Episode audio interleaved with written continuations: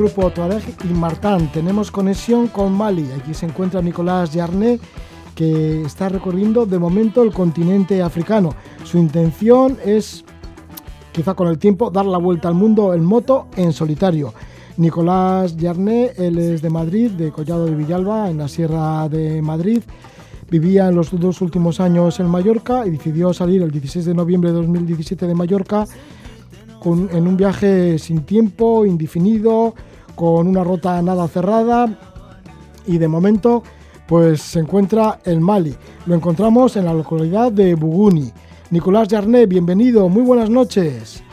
Buenas noches, ¿qué tal? Encantado de estar aquí con vosotros. Nicolás, que ya has llegado con tu moto hasta Mali y hasta la localidad de Buguni. ¿Cómo es la localidad de Buguni?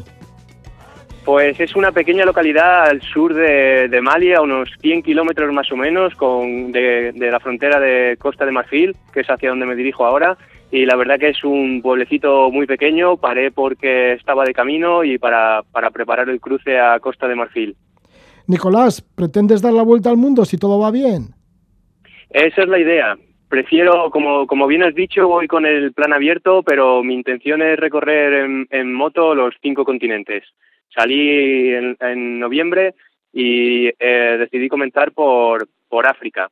Y de momento he llegado hasta Mali, voy rumbo a sur. Si todo se da bien esta semana cruzaré a Costa de Marfil y, avanzando poco a poco. ¿Cómo te has animado a montarte en la moto, arrancar y, irte de momento para el continente africano? ¿Cómo has roto también con el trabajo y con otras muchas, no sé, muchas otras ataduras que tenías en Mallorca? Eso es, al final, pues quien algo quiere, algo le cuesta y, tienes unas raíces, tienes un trabajo y tienes tu familia, tus amigos, tu pareja y al final este tipo de, decisiones tan drásticas te hacen tener que dejar unas cosas aparcadas. Entonces, pues es un sueño que tengo desde pequeñito, desde hace muchos años. Siempre me han gustado las motos, me ha gustado viajar y, y llevo muchos años preparándome, mentalizándome y al final vi que a finales del año pasado había conseguido ahorrar algo de dinero, tenía la moto y tenía, tenía los medios para comenzar y me lancé.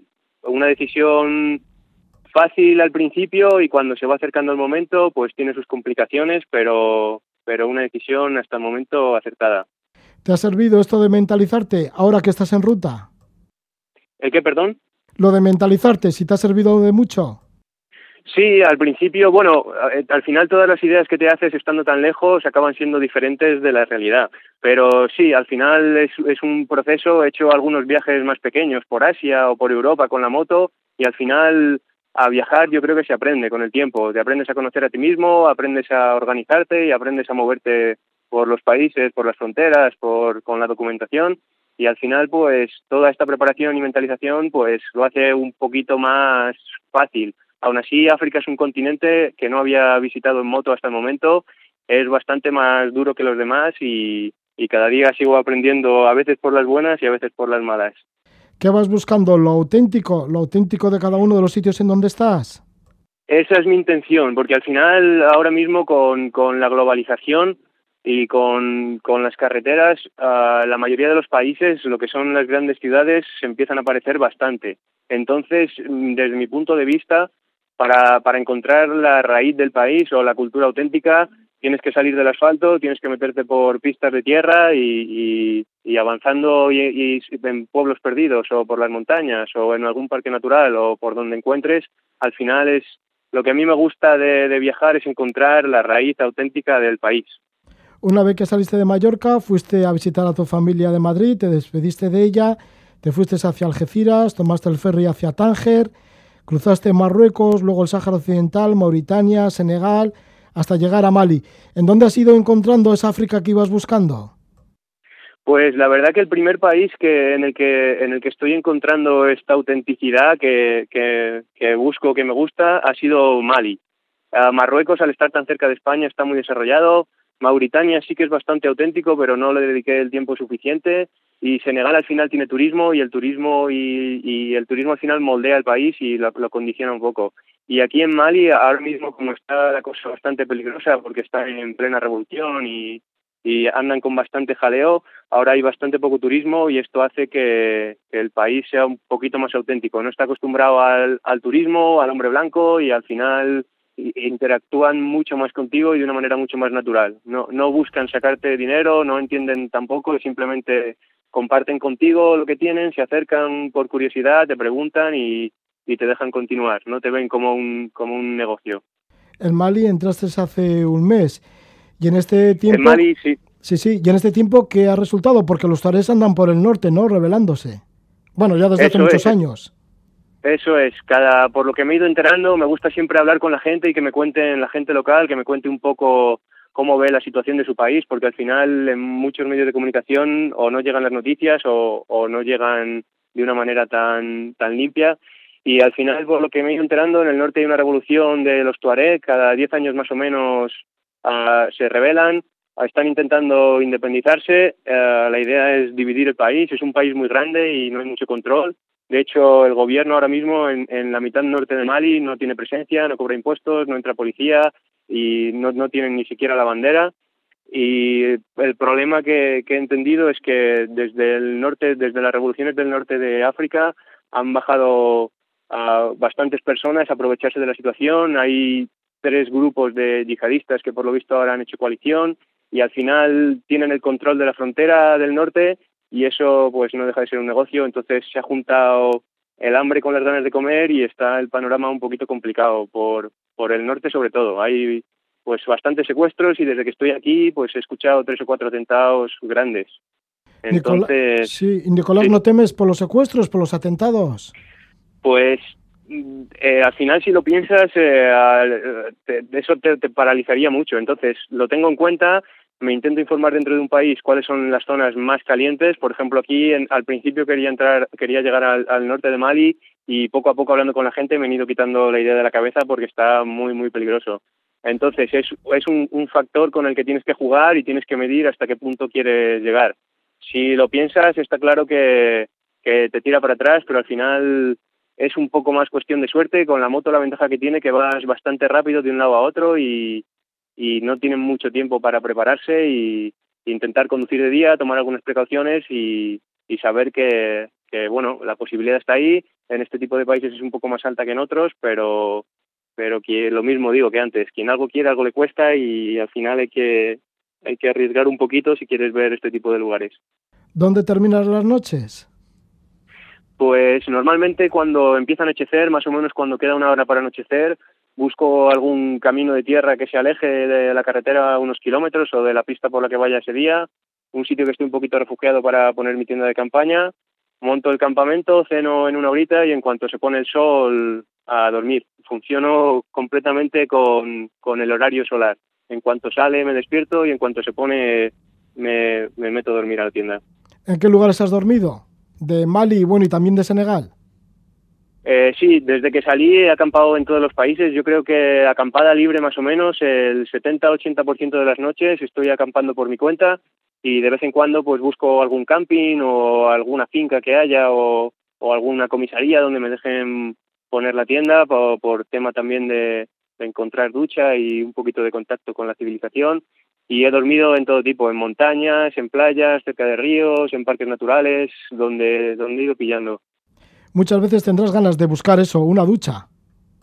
Sí, al final, uh, sobre todo aquí en Mali, que ahora mismo hace mucho calor, pasa de los 40 grados con, en, en las horas puntas del mediodía, uh, pues quieras que no, con los días y estando todo el día en la calle con el polvo que hay, la ducha se agradece y se busca más de lo que me esperaba. En Senegal estuviste en Casamance que es una zona sí. más verde todavía ¿no? que el resto de, de, Senegal. Allí estuviste en diferentes playas y conociste a un antiguo ministro, un ministro de Ecología entre los años 2011 y 2013, que te invitó a pasar una semana en su ciudad y en su casa. Bueno, ¿cómo ha sido la historia? Pues simplemente estuve acampado cuatro o cinco días en una playa justo en Casamance, en la región, y al salir de la playa con, con mi moto, al estar tan cargada, siempre ando peleándome con la arena. La arena de playa y la moto de momento no se llevan muy bien. Entonces justo pasaba el, el señor este con su familia en un todoterreno que ha venido a pasar el día a la playa, me ofreció ayuda porque me vio que estaba sufriendo, por si acaso tenía algún problema que me ayudaba a levantar la moto, me estuvo siguiendo un rato mientras salía de la playa y al salir me, me dijo que tenía una moto parecida a la mía también, que viajaba, me, me, dijo el, el, pueblo, el nombre del pueblo donde vivía y que si pasaba por allí, que preguntaba por él, que preguntara por él, que todo el mundo le conocía. A los tres o cuatro días pasé por el pueblo, pregunté y asombrosamente todo el mundo le conocía. Llegué a su casa y me invitó a quedarme una noche. Hicimos buenas migas, fuimos hablando, le fui conociendo y al final pues descubrí que, que había sido hasta hace un par de años ministro de, de Ecología y, acabé pasando aproximadamente una semana. Es un tipo muy peculiar, es el líder también del Partido Verde, tiene un plan de reforestación de, manglar en Senegal, el, tiene la reforestación más grande que se ha hecho hasta el día de hoy del árbol del manglar y, la verdad que tiene un montón de historietas, es un activista ecológico y tiene un montón de, de, historietas entretenidas y allí pasamos la semana compartiendo, intercambiando historias.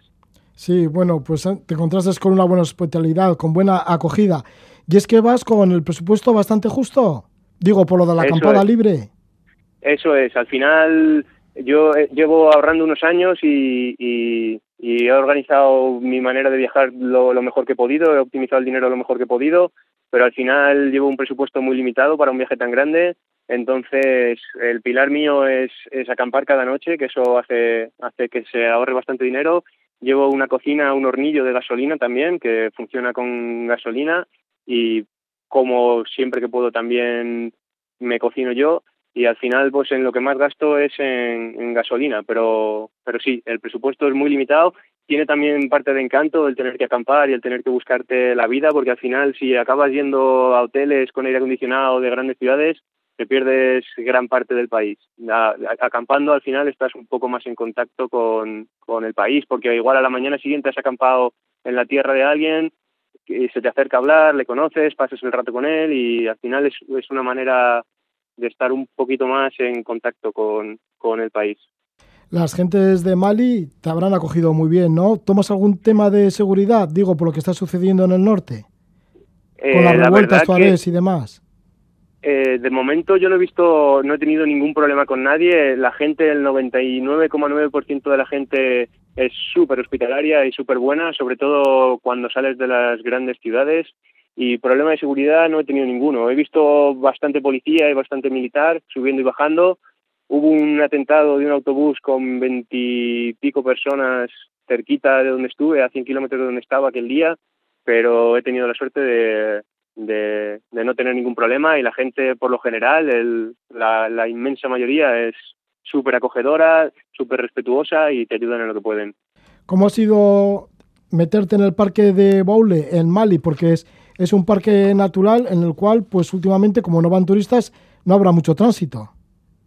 Eso es, es un parque natural que desde hace 15 años me dijeron que al no haber turismo lo han dejado abandonado, ya no hay, no hay nadie quien lo cuide de hecho, creo que hace falta pedir un permiso en la capital, que, es bastante complicado. Yo me arriesgué y entré sin nada, no hay control, no hay barrera, no hay nadie y la verdad que es, es una experiencia bastante auténtica. Está cerquita del desierto del Sáhara, hace frontera con, con Mauritania en el norte y hace bastante calor, pero el parque merece mucho la pena. Al ser reserva natural no se puede construir y prácticamente no hay aldeas y las aldeas que hay están completamente aisladas del mundo. Entonces yo lo disfruté mucho por eso, porque al final yo creo que hasta el momento es, es la zona donde he encontrado el, el África más auténtico, el África que yo tenía en mente.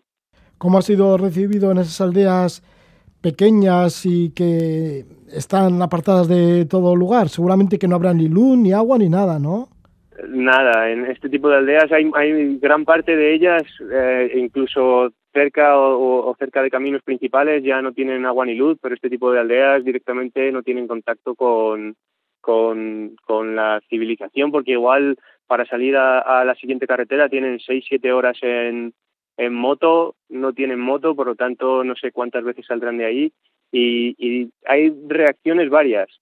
Ah, se pueden quedar como congelados, paralizados, no entienden qué está pasando, porque también al ir en moto, este tipo de motos no se ven por aquí, ir con el casco, que tampoco usan casco, y con estas pintas se sorprenden. Los niños pequeños, muchos salen corriendo de miedo hasta que se dan cuenta de que, de que no les voy a hacer nada, y otros vienen a saludarme con, con mucha curiosidad. La verdad que por lo general se alegran, vienen, saludan, preguntan, y al final les, ellos me ayudan a mí el día porque es lo, lo, una de las cosas o la cosa más interesante de viajar es la gente con la que te encuentras y tú les amenizas también un poco el momento porque les sacas de su monotonía no entienden qué hace un soldado espacial en su en su aldea. Tiene que ser toda una aparición. Sí eso es. Al final la gente para dejarles así asombrados no eso es, se nota en la, en la cara que ponen la primera, los primeros dos o tres segundos que, que, es de impresión, ellos están arando o están con sus gallinas a sus cosas y en cuanto se dan la vuelta y te ven se quedan congelados, les cambia la cara por completo y a los dos o tres segundos asimilan y ya pues sonríen, te saludan o pero de primeras es como si hubieran un fantasma. ¿Cuál ha sido el momento más duro que has vivido hasta ahora en este viaje que estás realizando en moto por el continente africano llegando hasta Mali? Pues justo esta semana en el Parque Natural uh, uh, sabía que, que si bajaba tenía la posibilidad de cruzar por Bamako, que es la capital, ya la había cruzado y no me gustó mucho, era carretera, y entonces intenté atajar por, por otra reserva natural que había por el sur, y, y para llegar a esta reserva había un río, el, Níger es el que, el que cruza, y pensaba que ahí iba a ser fácil encontrar algún ferry que cruzara, porque, porque creo que solamente hay tres o cuatro puentes que cruzan el Níger en todo el país. La mayoría es en barco o en ferry. Y la verdad que estuve todo el día, toda la tarde de, más bien, intentando buscar un ferry. No hablo nada de francés. Aquí la, la, gente habla un poquito de francés, pero inglés no tienen ni idea. Por lo tanto, para entenderme es bastante difícil y me metí en un par de... En, en la ribera del río había bastante arena, me metí en un par de embolados con la moto, me tocó empujar, me tocó que me ayudaran a sacarla un par de veces y al final no encontraba ferry, se hacía de noche, encontré una pequeña canoa donde por creo que fueron cuatro o cinco euros me montaron la moto y me cruzaron el Níger. Y la verdad que fue un día muy largo porque venía de lejos, salí de un parque natural, de otro y al final con el cansancio también las cosas las ves un poquito peor, al día siguiente te vuelves a reír, pero cuando llevas todo el día al sol y cansado, hay cosas que cuestan un poquito más. Y bueno, fue un día un poco duro, pero al día siguiente, ya te digo, al final te viene la sonrisa a la cara, ves que has llegado, ves que has conseguido, son aventurillas para contar y, probablemente haya sido el día más intenso, pero ya ha pasado. Sí, ¿y has pasado también miedo en algún momento? Pues miedo, miedo, miedo no. Por la noche al principio, en algún momento que se te acercan animalillos o, por ejemplo, hace una semana también acampé y oí voces o alguien silbando por la noche y, y, como tampoco sabes dónde estás, pues te mosqueas un poquito a ver si es que te han visto, vienen, se van o, o cosillas así, pero la verdad que cada vez duermo más tranquilo y, y miedo, la verdad que de momento afortunadamente no. En cierta ocasión, unas termitas te comieron el suelo de la tienda. Eso es, la verdad que es un problema que, que me ha salido hace en Senegal a punto de cruzar antes de entrar a Mali, justo el día de antes acampé en la frontera porque me había cerrado ya y, y acampé en, en, en, en, el monte y a la mañana siguiente me habían comido todo el suelo de la tienda. Debo tener 20 o 30 agujeros que he intentado parchear con cinta americana y, veremos cuando empiece la temporada de lluvias si ha sido una buena idea o no. ¿Cómo son las noches ahora que ya te vas tomando, bueno, pues eh, el ritmo del continente africano, que estás en Mali, que dices que cada vez temes menos a las noches y lo que pueda pasar en ellas? ¿Cómo son las noches cuando te metes a dormir y dices, bueno, lo que me espera mañana, ¿no? Que no sé si te lo tomas con mucha ilusión o así cada despertar. Sí, la verdad que al final llegas tan cansado de todo el día que, que no me da tiempo a, pensar mucho. Reflexiono un poco en el día, en lo que ha pasado, uh, escribo, eh, eh, tengo un blog también en el que intento escribir, eh, aprovecho 15 minutillos cada noche para intentar escribir un poco, eh, intento pensar para dónde quiero ir al día siguiente y la verdad que caigo redondo, en cuanto se pone el sol me meto a la tienda, a la media hora ya he caído redondo. Y duermo bastante porque ahora está anocheciendo como a las 8 de la noche y hasta las 8 de la mañana por ahí que no me levanto, la verdad que pues mis 10 o 12 horitas hay días que, que duermo. La verdad que tranquilo, al principio un poquito más al principio un poquito más más nervioso en las noches, pero pero me he habituado, llevo ya tres meses durmiendo, he visto que hasta el momento no ha pasado nada y al final duermo bastante tranquilo, la verdad. Nicolás, ¿cuál es el cuál es tu blog? Pues es Ride Me Five, es parecido a Give Me Five, pero en vez de Give Me, Ride, que es, que es conducir moto. Subo vídeos, ah, tengo una crónica escrita, subo alguna foto y, y hay un mapa también para, para quien me quiera seguir, voy subiendo la ubicación de, de por dónde voy más o menos. De momento, una vez que dejes Mali, que no sé cuándo será, ¿cuándo prevés terminar Mali? Y luego, ¿para dónde vas a llegar? ¿Qué llegarás hasta, hasta Sudáfrica y luego subirás para, para Egipto? Eso es, Mali espero en un par de días intentar entrar ya a Costa de Marfil, que conseguí el visado, de ahí tiraré todo hacia el sur por, por, bueno, subo otra vez a Burkina para intentar conseguir la visa de Nigeria, porque aquí el tema de visas a veces es un poquito complicado, son muchos países muy pequeñitos y, algunos no lo ponen muy fácil. Sí, eh, tiraré todo hacia el sur, hasta Sudáfrica, si todo sale bien, y de ahí hacia el norte por la, por la otra costa hasta Egipto. Y en Egipto ya mi idea es encarar Asia, intentar conseguir un ferry porque ahora tampoco están las cosas muy bien por allí, intentar conseguir un ferry que me cruce hasta Turquía y de allí eh, comenzar en Asia. Pero de momento prefiero centrarme en Sudáfrica, que ya es una experiencia intensa, hay que ir país a país intentando informarse bien de los visados y, y de las de las cosas que hacen falta y ir avanzando poco a poco. De momento en mente tengo Sudáfrica. Muchas gracias Nicolás Jarné por esta conexión que tenemos contigo desde la localidad de Bugoni, que está al sur de Mali. Nicolás Jarné, que tiene intención de dar la vuelta al mundo en moto en solitario. De momento, pues partió de Mallorca el 16 de noviembre de 2017 y bueno, pues ya ha recorrido una parte del trayecto por Marruecos, por el Sáhara Occidental, por Senegal y ahora pues ahí, en el país de Mali. Muchísimas gracias por esta conexión, Nicolás, y que te vaya estupendamente bien. Muchísimas gracias a ti, la verdad que seguro que sí, con paciencia y con filosofía todo acaba saliendo bien. Que sea así, Nicolás. Un abrazo. Un, abrazo fuerte. Hasta luego.